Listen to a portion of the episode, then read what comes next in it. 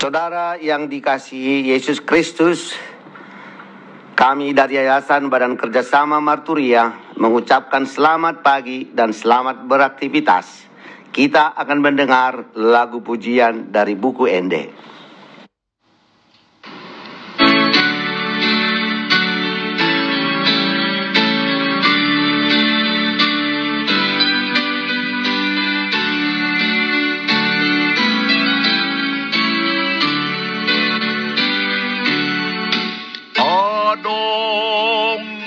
Na jolo sadai na naro tu Jesusi. Ija marambuni ulos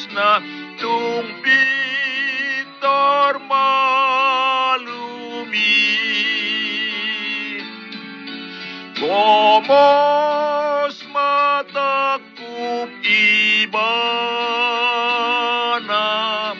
Komos haposi Malua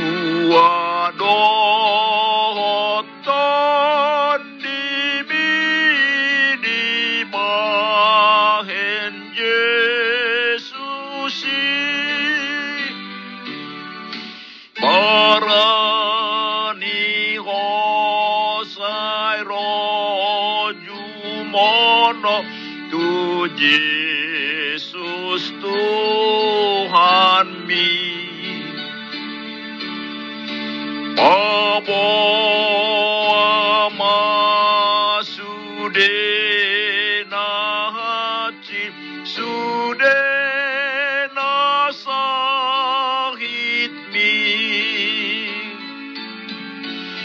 Komos mataku ibana Komos haposi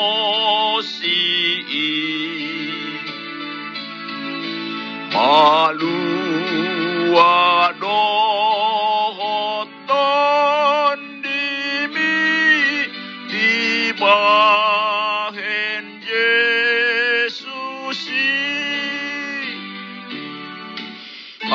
ada seorang perempuan datang menghampiri.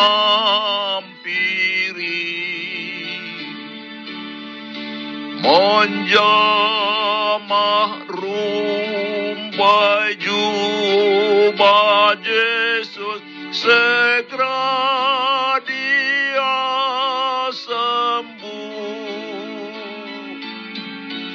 dengan erat pegang Yesus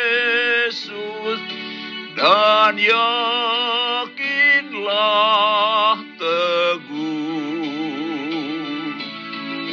jiwamu pun jadi sembuh oleh Tuhan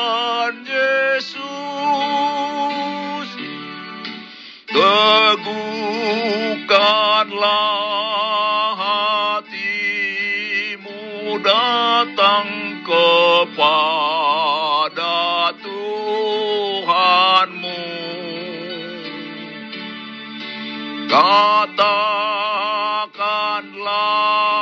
padanya semua sakit deritamu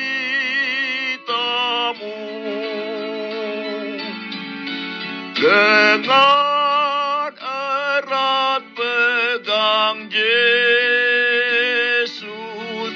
dan yakinlah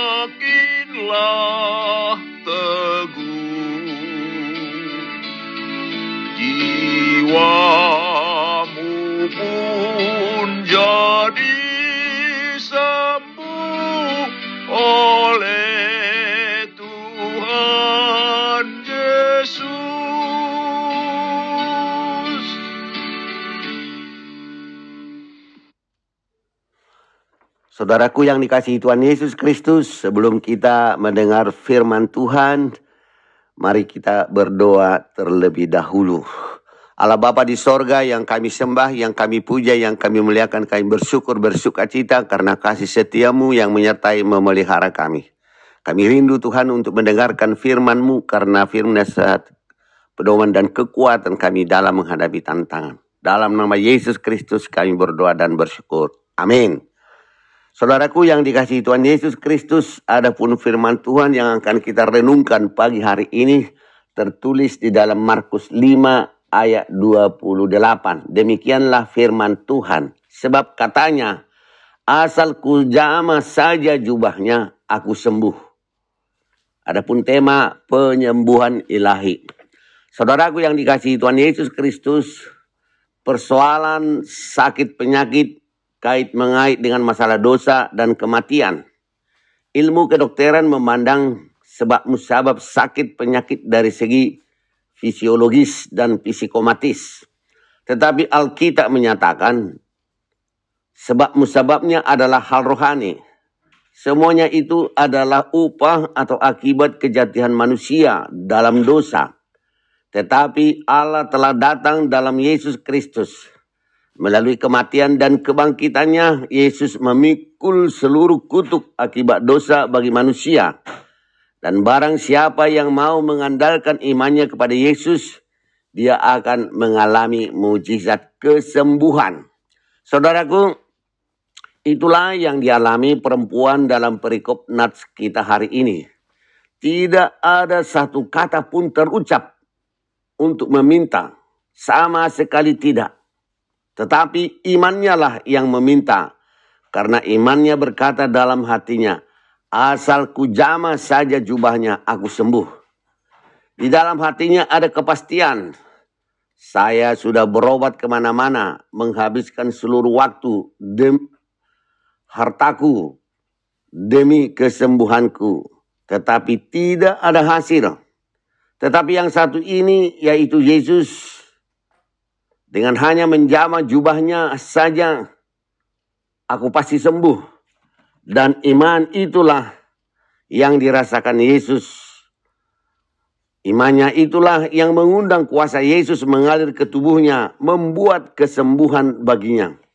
Karena Yesus merasakan ada kuasa yang keluar dari dirinya, mengalir kepada si perempuan itu karena tarikan imannya.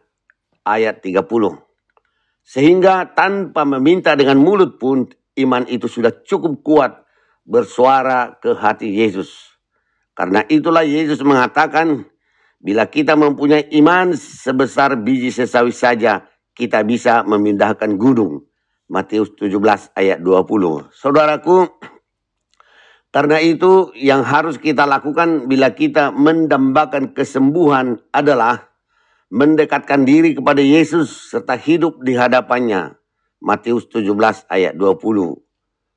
Penuhilah kehidupanmu dengan firman Allah. Yohanes 15 ayat 7. Dan bila kita tidak memperoleh kesembuhan, tetaplah tinggal dalam dia. Yohanes 15 ayat 1 sampai 7. Dan periksalah kehidupanmu untuk mengetahui perubahan apa yang hendak dikerjakan Allah dalam hidupmu.